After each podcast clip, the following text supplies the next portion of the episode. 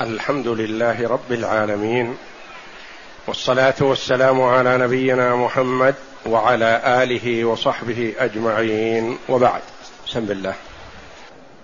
بسم الله الرحمن الرحيم. قال المؤلف رحمه الله تعالى الحديث السادس والعشرون بعد الثلاثمائة عن أبي ذر رضي الله عنه أنه سمع رسول الله صلى الله عليه وسلم يقول ليس من رجل ادعى لغير أبيه وهو يعلمه إلا كفر ومن ادعى ما ليس له فليس منا وليتبوأ مقعده من النار ومن دعا رجلا بالكفر أو قال يا عدو الله وليس كذلك إلا حار عليه. كذا عند مسلم وللبخاري نحوه هذا الحديث الصحيح فيه تحذير من هذه الصفات الثلاث. الصفة الأولى ليس من رجل ادعى لغير أبيه وهو يعلمه إلا كفر. يعني ينتسب إلى غير أبيه وهو يعلم أباه. يعرف أن أباه فلان فينتسب إلى غيره. يقول عليه الصلاة والسلام إلا كفر. وهذا الحديث يسميه العلماء رحمهم الله من أحاديث الوعيد. والأولى في أحاديث الوعيد أن تقرأ كما جاءت ويؤمن العبد فيها وأن النبي صلى الله عليه وسلم لا ينطق عن الهوى. ولا يتعرض لها بتأويل. هذا قول جمهور العلماء. ويرى بعضهم أنها تؤول بأنه كفر دون كفر أو كفر نعمة أو أنه إن استحل ذلك كفر والأولى أن تمر كما جاءت لأنها كبيرة من كبائر الذنوب. الوقوع في مخالفة الحديث فيما دل عليه الحديث كبيرة من كبائر الذنوب. والزجر عن هذه الكبيرة بهذا اللفظ الذي اختاره المصطفى صلى الله عليه وسلم اولى لأن النبي صلى الله عليه وسلم قصد الزجر عن هذه الصفة وهي صفة شنيعة كبيرة من كبائر الذنوب. والزجر عنها بهذا اللفظ الذي جاء عنه صلى الله عليه وسلم وهو أعلم بمواطن الكلام عليه الصلاة والسلام وهو الحكيم الذي أوتي جوامع الكلم. فنقول هو متوعد بهذا الوعيد الشديد. ولا نجزم بكفره لأن من أصول أهل السنة والجماعة أنهم لا يكفرون المسلم بالذنب إلا إذا استحله وكان مما علم من الدين بالضرورة فحينئذ يكون كافر بعد إقامة الحجة عليه. والتكفير بارك الله في الجميع ليس من السهولة بمكان. شأنه عظيم. فلا يجوز للمسلم أن يقدم على تكفير آخر إلا إذا أتى بمكفر معلوم من الدين بالضرورة. وأهل السنة والجماعة مع مخالفيهم مخالف أهل السنة والجماعة يكفرون. والخوارج والمعتزلة والجهمية وغيرهم من أهل البدع يكفرون من خالفهم. حتى كفروا أناسا من الصحابة رضي الله عنهم شهد لهم النبي صلى الله عليه وسلم بالجنة. وهذا خطر عظيم. الرسول عليه الصلاة والسلام الذي لا ينطق عن الهوى يشهد بأن هذا في الجنة ثم يأتي الشقي ويقول هذا كافر خالد مخلد في النار. هذا فيه تجهيل للنبي صلى الله عليه وسلم.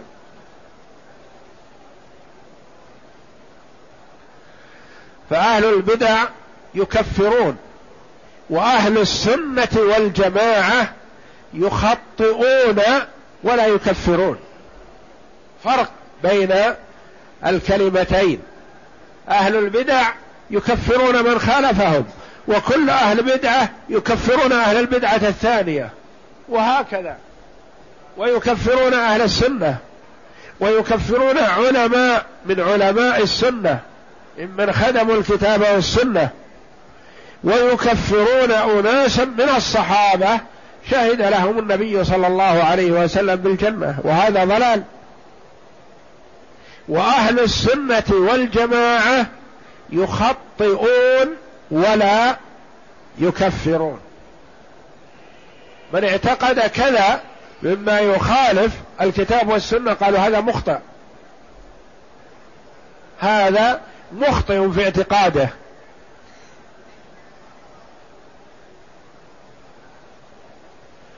ونخطئه وقد يكون ماجور من ناحية أخرى. الله أعلم. ويكون له حسنات كثيرة تكفر هذه السيئات التي وقع فيها. ونقول أمره إلى الله.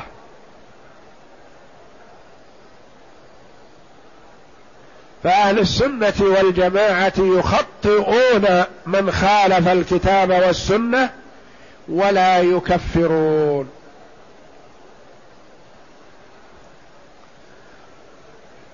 وفي هذه الأزمنة المتأخرة وما قبلها كذلك. تجرأ أناس على تكفير أناس صلحاء أتقياء لكنهم خالفوهم في أمر من الأمور. قالوا هذا كافر هذا مداهن هذا مرائي هذا منافق هذا زنديق. وهل شققتم عن قلوبهم.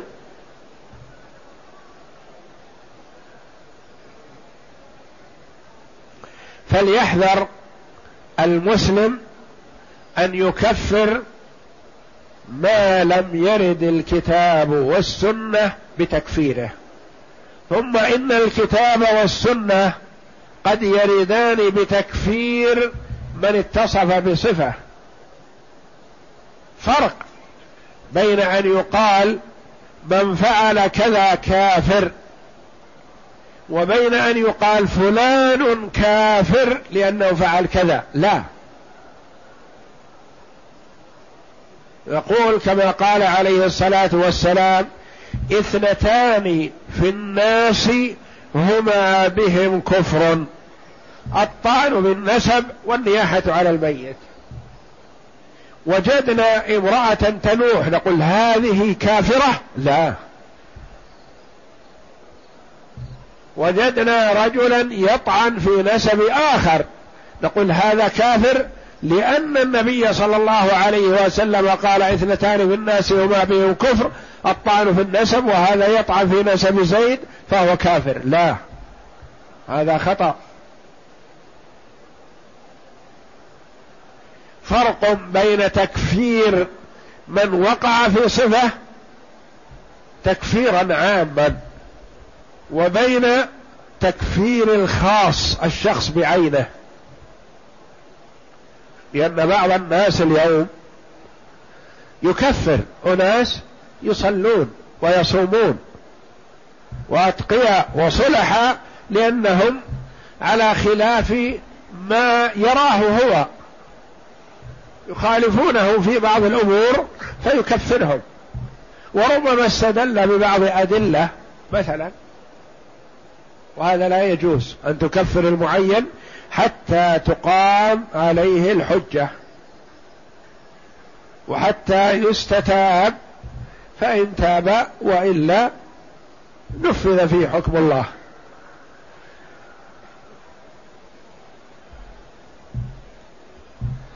ليس من رجل ادعى لغير أبيه وهو يعلمه في هذا القيد. لأن الرجل قد يدعي لغير أبيه وهو لا يعلم. ينسب مثلا فلان ابن فلان ابن فلان بينما في النسب هذا غلط. الجد الرابع مثلا ليس له وليس جدا له. هو جده غير لكن ما يدري هو. أو مثلا حصل خطأ من جهة النساء مثلا فانتسب لغير أبيه الحقيقي وهو لا يدري فليس واقع في هذا الوعيد. وإنما النبي صلى الله عليه وسلم بين بقوله وهو يعلمه. يعلم أن أباه محمد فانتسب إلى علي مثلا. هذا حرام عليه وكبيرة من كبائر الذنوب ومتوعد بهذا الوعيد الشديد. ومن ادعى ما ليس له فليس منا. من ادعى ما ليس له. ادعى بدعوى. في أرض في متاع في دراهم في أشياء مثلا.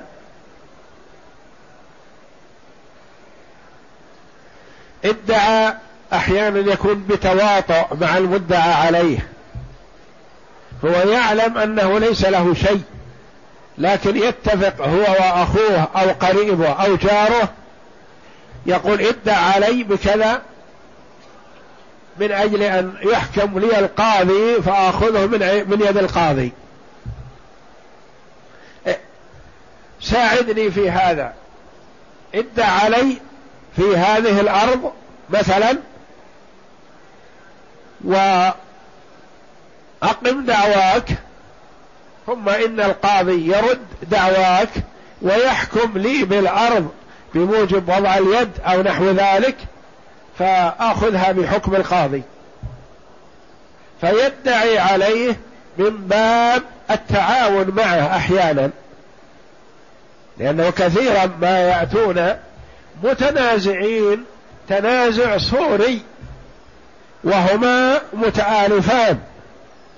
أيا أخذها منهما أي واحد أخذ هذا الشيء منهما فالنتيجة محصلة لهم. هذا الذي يريدونه.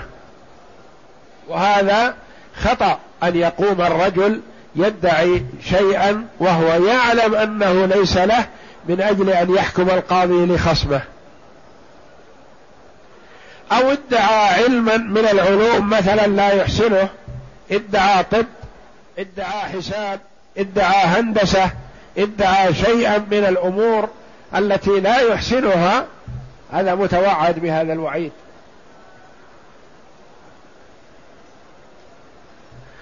ادعى يتحرى أن يحكم له بهذا الشيء. يقول ما في خسارة. أدعي على هذا. إن أعطاني القاضي ما أردت وإلا فليس هناك خسارة. هذا حرام عليه. حتى لو لم يحكم له. لأن ادعاءه بشيء وهو يعلم أنه حقيقة ليس له متوعد بهذا الوعيد. ومن ادعى ما ليس له فليس منا. ليس منا مثل الفقرة السابقة إلا كفر. ليس على هدينا ليس على طريقتنا نقول ليس منا. حذر النبي صلى الله عليه وسلم من ادعى بدعوى كيدية أو دعوى زور فهو متوعد بهذا الوعيد. الرسول عليه الصلاة والسلام يقول ليس منا. وإذا تاب وأناب ورجع ورد الحق إلى صاحبه فالله جل وعلا يتوب على من تاب. فليس منا وليتبوأ مقعده من النار. يتبوأ بمعنى يتخير. يعني كأن مقعده من النار محقق. وإنما عليه أن يتخير. هذه الناحية أو هذه الناحية.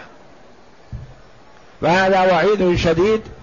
ومثل قوله صلى الله عليه وسلم إن كذبا علي ليس ككذب على غيري من كذب علي متعمدا فليتبوأ مقعده من النار. يعني هو من أهل النار وإنما عليه أن يتخير هذه الناحية أو هذه الناحية. فليتبوأ مقعده من النار.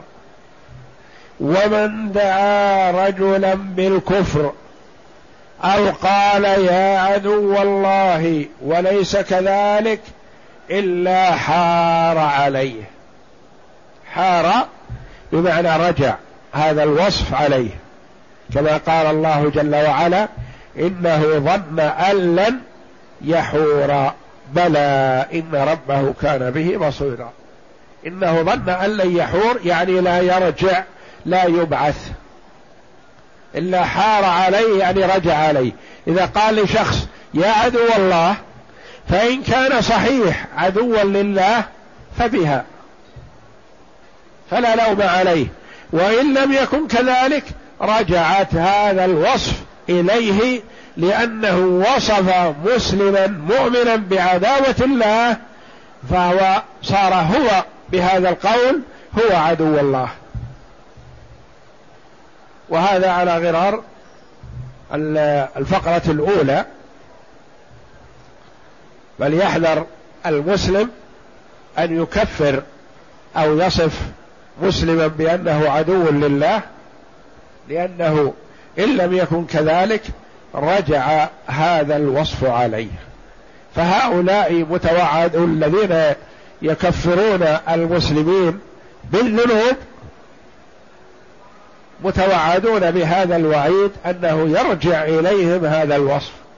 وكما قال بعض السلف أنا لا أكفر إلا من كفرني. أنا لا أكفر إلا من كفرني. يقول يعني أنا أكفر من كفرني لأني أعرف من نفسي أني مسلم ولست بكافر. فمن كفرني فبمنطوق رسول الله صلى الله عليه وسلم هو الكافر. فليحذر المسلم وصف المسلم بوصف يخرجه من الإسلام لأنه إن كان ممن شهد له النبي صلى الله عليه وسلم بالجنة فهذا ضلال عظيم. في تجهيل للنبي صلى الله عليه وسلم وفي تكذيب للنبي صلى الله عليه وسلم وفيه غمط من حق الله تبارك وتعالى لأن الله تبارك وتعالى أنطق رسوله صلى الله عليه وسلم بأن فلانا في الجنة. فإذا جاء هذا الشقي العنيد وقال فلان في النار كذب الله وكذب رسوله صلى الله عليه وسلم فهو على خطر عظيم. وإن لم يكن كذلك لم يكن ممن شهد له النبي صلى الله عليه وسلم بالجنة فهو كذلك على خطر عظيم لأن هذا الوصف يحور عليه يعني يرجع عليه. وناسب أن يذكر المؤلف رحمه الله تعالى هذا الحديث بعد ذكر اللعان وحفظ الأنساب فيه التحذير ممن انتسب إلى غير أبيه وهو يعلم ذلك. أما من لا يعلم ذلك فلا إثم عليه والحمد لله. نعم. الغريب أولا وليتبوأ أي فليتخذ له مباءة وهي المنزل. ثانيا إلا حار عليه بالحاء المهملة أي رجع عليه ومنه قوله تعالى إنه ظن أن لن يحور أي يرجع. بالحاء المهملة يعني غير المنقوطة. لا نقطة فوق فتكون خاء أو نقطة تحت فتكون جيم بالحاء المهملة من النقط. نعم. المعنى الإجمالي في هذا الحديث وعيد شديد وإنذار أكيد لمن ارتكب عملا من هذه الثلاثة فما بالك بمن عملها كلها؟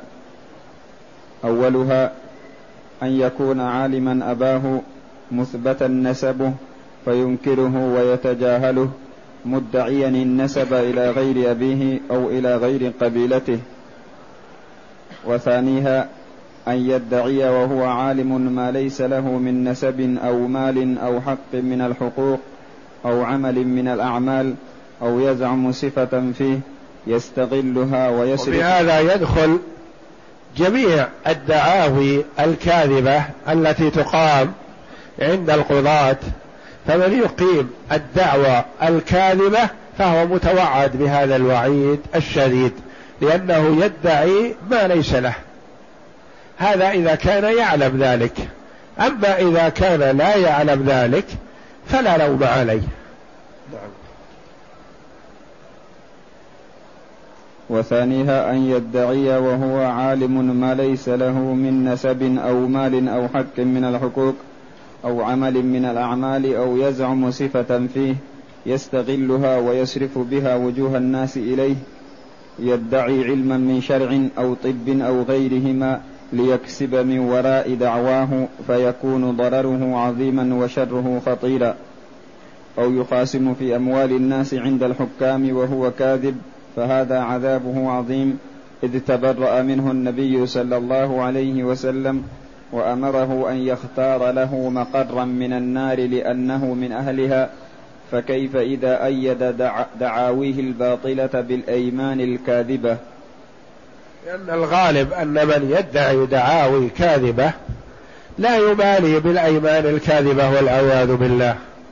واليمين الكاذبة هي الغموس التي تغمس صاحبها في الإثم أو في النار. ومن حلف على يمين يقتطع بها مال امرئ مسلم لقي الله وهو عليه غضبان قالوا يا رسول الله وإن كان شيئا يسيرا قال وإن كان قضيبا من أراك إذا حلف على عود مسواك أن هذا له وهو يعلم أنه ليس له فهو متوعد بهذا الوعيد نعم. ثالثها أن يرمي بريئا بالكفر أو اليهودية أو النصرانية أو بأنه من أعداء الله. فمثل هذا يرجع عليه ما قال لأنه أحق بهذه الصفات القبيحة من المسلم الغافل عن عن أعمال السوء وأقواله. ما يستفاد من الحديث أولا فيه دليل على تحريم الانتفاء من نسبه المعروف والانتساب إلى غيره. سواء أكان ذلك من أبيه القريب أو من أجداده ليخرج من قبيلته إلى قبيلة أخرى لما يترتب عليه من المفاسد العظيمة من ضياع الأنساب واختلاط المحارم بغيرهم وتقطع الأرحام وغير ذلك. ثانيا اشترط العلم لأن تباعد القرون وتسلسل الأجداد قد يوقع في الخلل والجهل والله لا يكلف نفسا إلا وسعها ولا يؤاخذ بالنسيان والخطأ. ثالثا قوله ومن ادعى ما ليس له يدخل فيه كل دعوى باطلة من نسب أو مال أو علم أو صنعة أو غير ذلك فكل شيء يدعيه وهو كاذب فالنبي صلى الله عليه وسلم بريء منه وهو من أهل النار فليختر مقامه فيها. كيف إذا أيد دعاويه الباطلة بالأيمان الكاذبة ليأكل بها أموال الناس فهذا ضرره عظيم وأمره كبير. رابعا الوعيد الثالث في من أطلق الكفر أو الفسق أو نفى الإيمان أو غير ذلك على غير مستحق فهو أحق منه به لأن هذا راجع عليه فالجزاء من جنس العمل. خامسا فيؤخذ منه التنبه على تحريم تكفير الناس بغير مسوغ شرعي وكفر بواح ظاهر فإن التكفير والإخراج من الملة أمر خطير لا يقدم عليه إلا لا يقدم عليه إلا عن بصيرة وتثبت وعلم.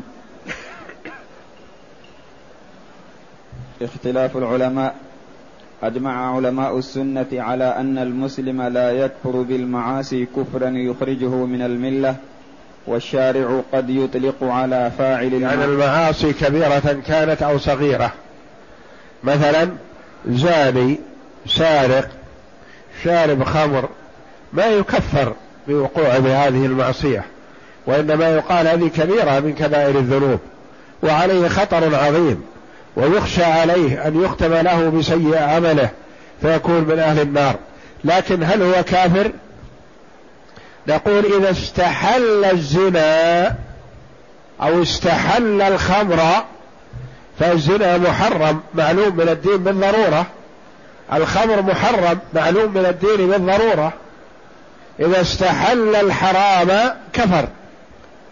وأما إذا وقع في الحرام وهو يعرف أنه حرام ولم يستحله فليس بكافر وإنما هو فاسق. يقال فاسق.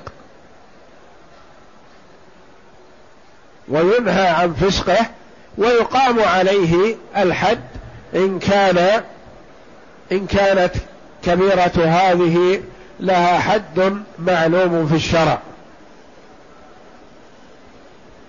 ففرق بين المستحل وبين الواقع في المعصية على أنها معصية. هذا لا يكفر خلافا لأهل البدع فهم يقول بعضهم يكفره. يقول إذا وقع في المعصية كفر وخرج من الإسلام ودخل وصار كافر وهو في النار يوم القيامة خالد مخلد فيها. طائفة أخرى منهم يقولون إذا ارتكب الكبيرة خرج من الإسلام ودخل في الكفر يقولون لا ما دخل. في المنزلة بين المنزلتين. إذا مات يقول خالد مخلد في النار. فهم يتفقون على أن صاحب الكبيرة خالد مخلد في النار. وهو في الدنيا بعضهم يقول هو كافر وبعضهم يقول في المنزلة بين المنزلتين. وأهل السنة والجماعة يقولون في الدنيا هو فاسق وليس بكافر. وفي الآخرة تحت المشيئة تحت مشيئة الله جل وعلا. إن شاء جل وعلا غفر له من أول وهله وأدخله الجنة وإن شاء عذبه بالنار كما يشاء سبحانه وتعالى. على نمط قوله جل وعلا إن الله لا يغفر أن يشرك به ويغفر ما دون ذلك لمن يشاء. الزاني إن شاء جل وعلا غفر له شارب الخمر إن شاء جل وعلا غفر له وإن شاء عذبه. إن الله لا يغفر أن يشرك به ويغفر ما دون ذلك لمن يشاء يعني ما دون الشرك. نعم. أجمع علماء السنة على أن المسلم لا يكفر بالمعاصي كفرا يخرجه من الملة والشارع قد يطلق على فاعل المعاصي الكفر كما في الحديث الذي معنا فاختلف العلماء في ذلك. فالجمهور يرون أن هذه أحاديث جاءت لقصد الزجر والردع فتبقى على تخويفها وتهويلها فلا تؤول.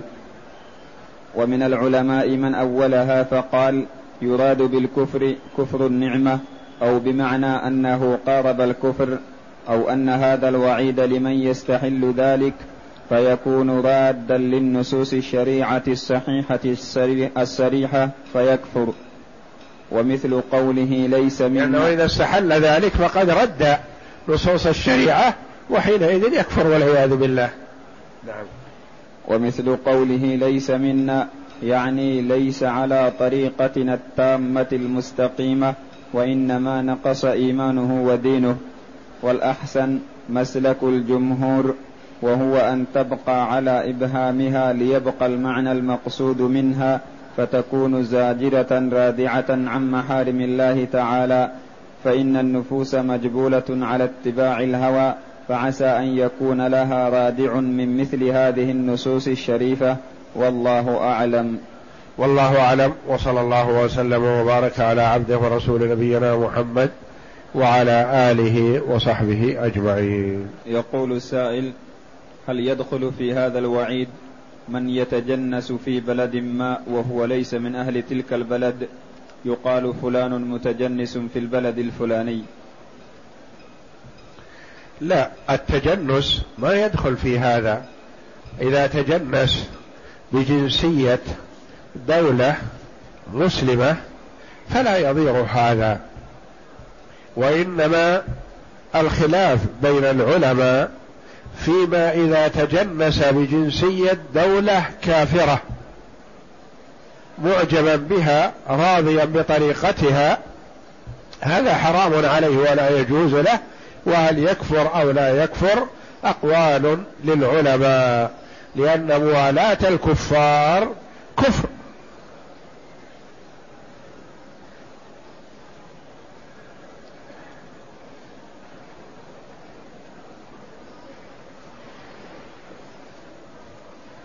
يقول هل من ابتلاه الله بمرض في حال عدم استقامته ثم تاب واستغفر الله من ذنوبه وأصبح يدعو الله في كل وقت أن يشفيه وأكثر من الصدقة ولكن الابتلاء مستمر ولم يشف منه؟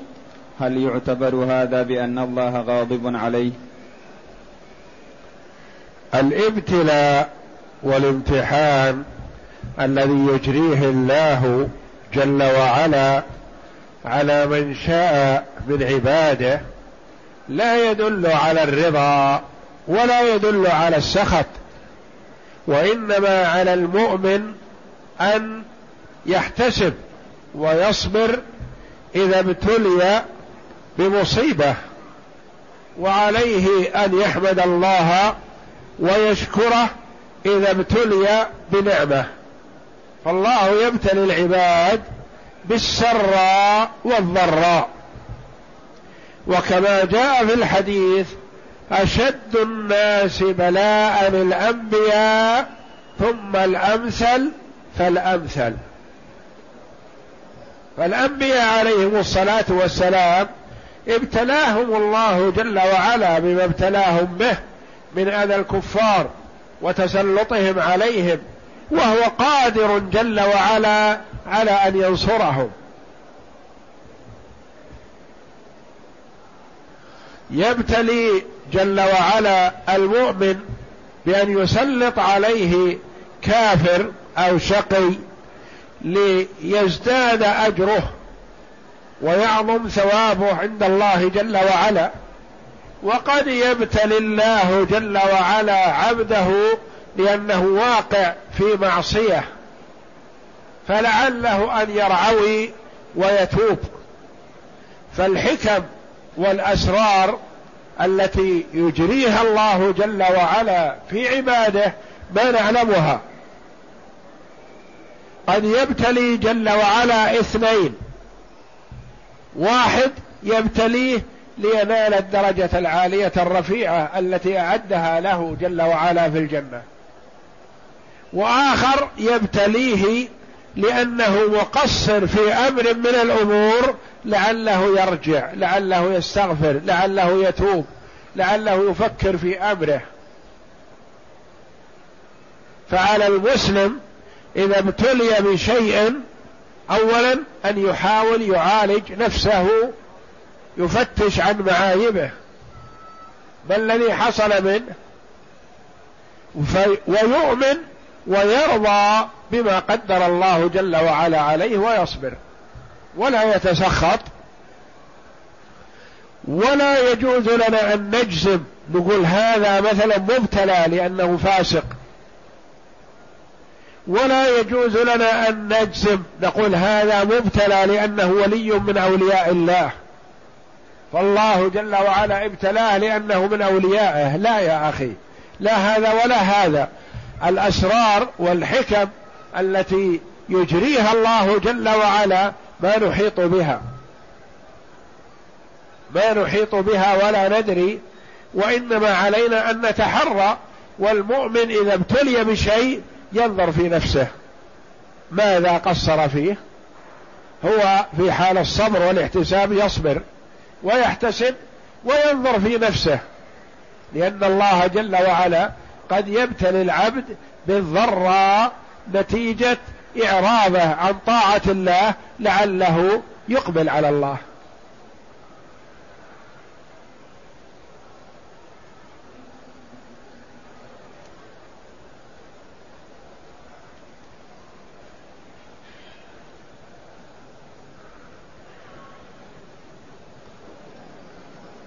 يقول هل تجوز الصلاة في مسجد وأمامه قبر؟ وإن كان لا يجوز فما الحل؟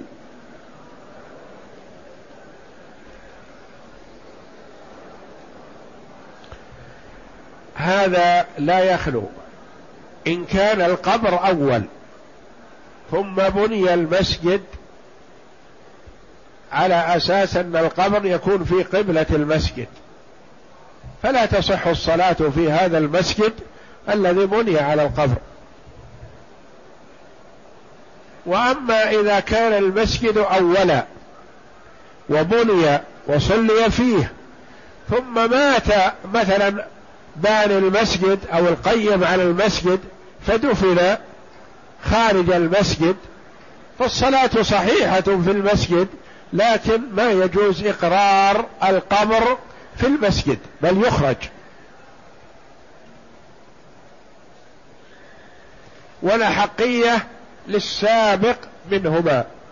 إن كان القبر أول ثم بني عليه المسجد فيجب هدم المسجد. وإن كان المسجد أول ثم أدخل فيه القبر فيجب نبش القبر وإخراجه. يقول هل تجب الزكاة في ذهب معد للزينة؟ هذا محل خلاف بين العلماء رحمهم الله.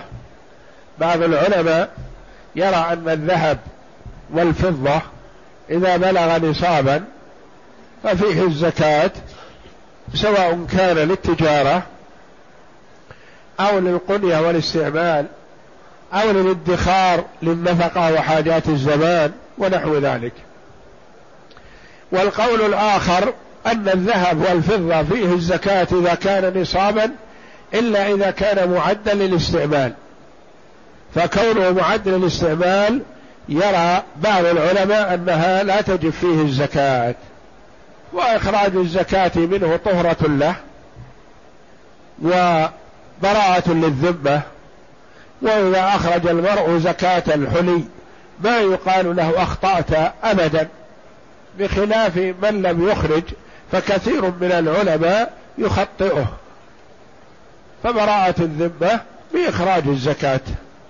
وما نقص مال من صدقة بل تزده بل تزده.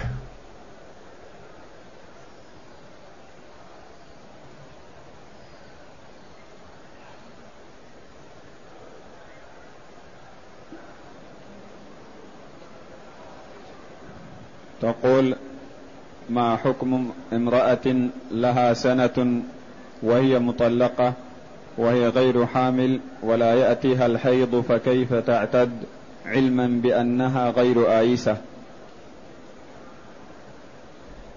هذه الأولى لها أن ترجع إلى القاضي ليعرف حالها لأن العدة ذات الأقراء ثلاث حيض. والآيسة والصغيرة ثلاثة أشهر. ومن هي في سن المحيض لكن ارتفع عنها الحيض إذا كان لسبب من الأسباب المعلومة فينتظر حتى تزول هذه الأسباب. مثلا مرضع وبعض النساء إذا كانت ترضع لا تحيض مثلا فينتظر فيها حتى تفطم ولدها وتحيض وتتم عدتها. فالمعتدات ست أنواعهن فعليها أن تراجع القاضي لينظر في أمرها ويبين عدتها.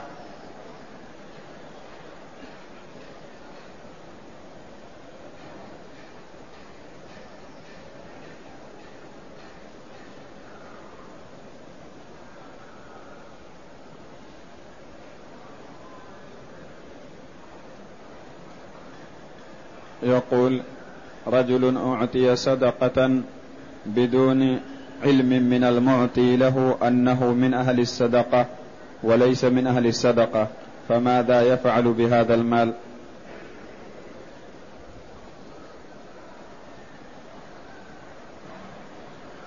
إذا أعطي زكاة والذي أعطاه يظن أنه من أهل الزكاة وهو يعلم من نفسه أنه ليس من أهل الزكاة فلا يخلو. إن كان يعرف من أعطاه إياها فيعيدها إليه. ولا ينبغي له أن يتصدق بها وهو يعلم أنها آلت إليه من فلان فيعيدها إلى فلان. وأما إذا كان لا يعلم ولا يعرف من أعطاها إياه ولا يمكن ما يستطيع أن يرجعها إلى صاحبها فعليه أن يعطيها من يطمئن ويعرف أنه من أهل الزكاة. لأنه آل إليه شيء ليس له فيعطيه مستحقه.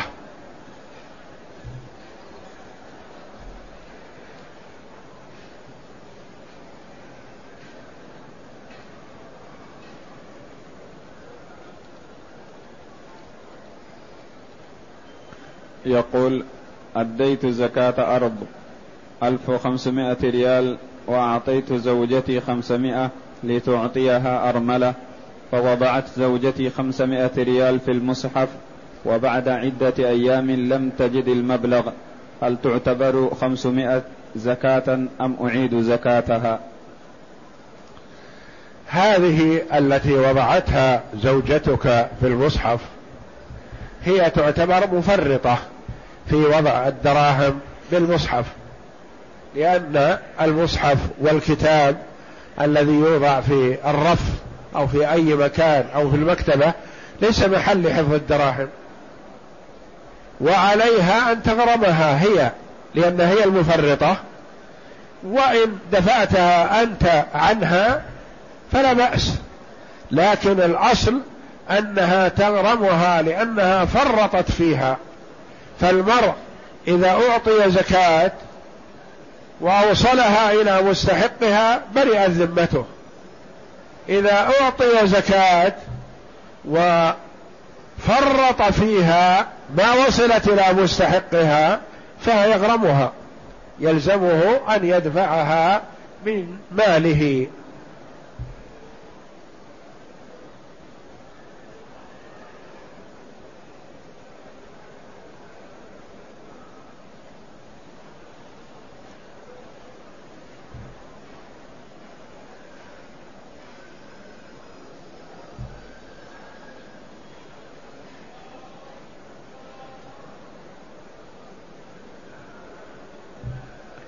يقول هل الكافر إذا أسلم والعاصي بالكبائر إذا تاب يرى أعماله السيئة السالفة من باب قوله تعالى فمن يعمل مثقال ذرة خيرا يره ومن يعمل مثقال ذرة شرا يره. الله جل وعلا يقرر عبده بمعاصيه التي عملها في الدنيا. ويقول جل وعلا سترتها عليك في الدنيا واغفرها لك الآن أو كما ورد. فالله جل وعلا يقرر عباده بمعاصيهم إذا شاء ثم يغفرها. فهو إذا قرر بمعصيته لا يلزم أن يعذب بها لأن الله جل وعلا كما ورد في الحديث يرخي ستره على عبده فيقرره بمعاصيه. فإذا ظن أنه هالك لكثره معاصيه يقول الله جل وعلا له سترتها عليك في الدنيا وأغفر لها لك في الآخرة. ورد أنها تبدل بعض السيئات في الدنيا بحسنات كما قال الله جل وعلا والذين لا يدعون مع الله إلها آخر ولا يقتلون النفس التي حرم الله إلا بالحق ولا يزنون. ومن يفعل ذلك يعني هذه الجرائم الثلاث يلقى أثاما يضاعف له العذاب يوم القيامة ويخلد فيه مهانا إلا من تاب. إلا من تاب وآمن وعمل عملا صالحا فأولئك يبدل الله سيئاتهم حسنات وكان الله غفورا رحيما. فالله جل وعلا إذا تجاوز عن عبده يبدلها له بحسنات.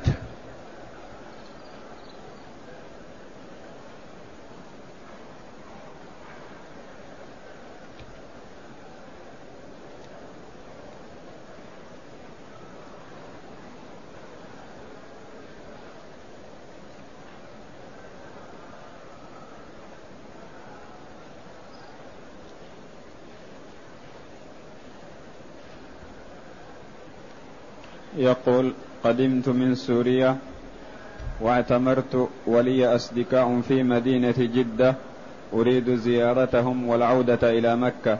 فإذا عدت من جدة هل يجب علي أن أدخل مكة معتمرا؟ إذا أديت عمرتك وخرجت إلى جدة أو غيرها ورغبت في العودة إلى مكة فلك أن تعود إليها بعمرة. وتعود إليها بعمرة تحرم من المكان الذي تريد أن تتوجه منه إلى مكة. فإن كنت خلف الميقات فتحرم من الميقات. وإن كنت دون الميقات مثلا كجدة فتحرم من جدة من المكان الذي تنوي منه الذهاب إلى مكة. ما دمت سافرت مثلا للمدينة. من أين تحرم؟ من ميقات أهل المدينة. سافرت إلى الطائف. من أين تحرم؟ من ميقات أهل الطائف. السيل مثلا أو وادي المحرم. سافرت إلى جدة أو إلى الشرائع في الحل مثلا.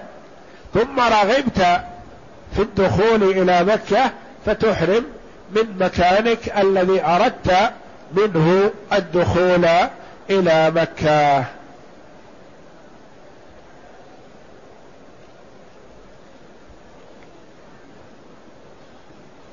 يقول هل المسلم العاصي تستقبله في قبره ملائكة الرحمة أم ملائكة العذاب؟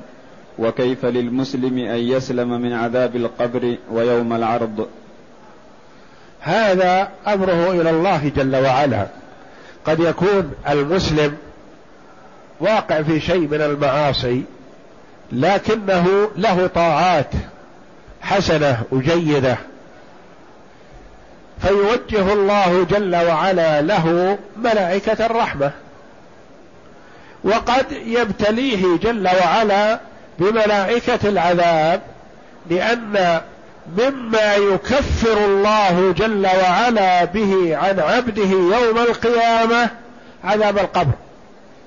عذاب القبر مما يكفر الله جل وعلا به عن العبد يوم القيامة.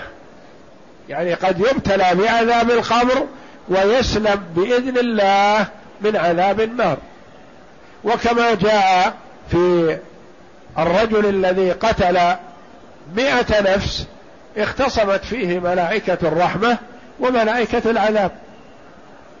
فهذا أمره إلى الله جل وعلا وهو الذي يوجه إلى عبده من شاء من ملائكة الرحمة أو ملائكة العذاب. وعلى وإذا أراد العبد أن يسلم من عذاب النار وعذاب القبر أن يجتهد في الطاعات ويبعد عن المعاصي ويحسن الظن بالله جل وعلا. لأن العبد إذا أحسن العمل فالله جل وعلا كما قال لا يضيع أجر من أحسن عملا. فعلى العبد أن يحسن عمله ويحسن ظنه بالله جل وعلا ويسلم من عذاب القبر وعذاب النار.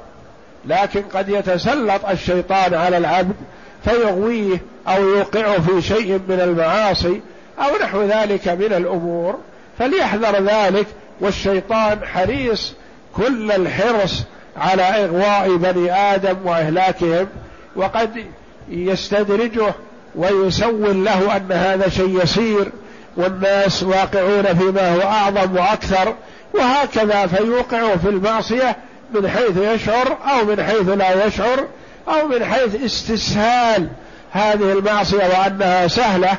ولا يجوز للمسلم أن يستسهل معصية من معاصي الله جل وعلا لأن العبد قد يستسهل معصية فتكون في حقه أشد من الكبيرة. وقد يقع في كبيرة وهو خجل ومستحي ومتأثر من هذا فيغفرها الله جل وعلا له برعوائه وندمه واستغفاره فلا تكون شيئا بالنسبة له لأن الله يغفرها له. والله أعلم وصلى الله وسلم وبارك على عبده ورسول نبينا محمد وعلى آله وصحبه أجمعين.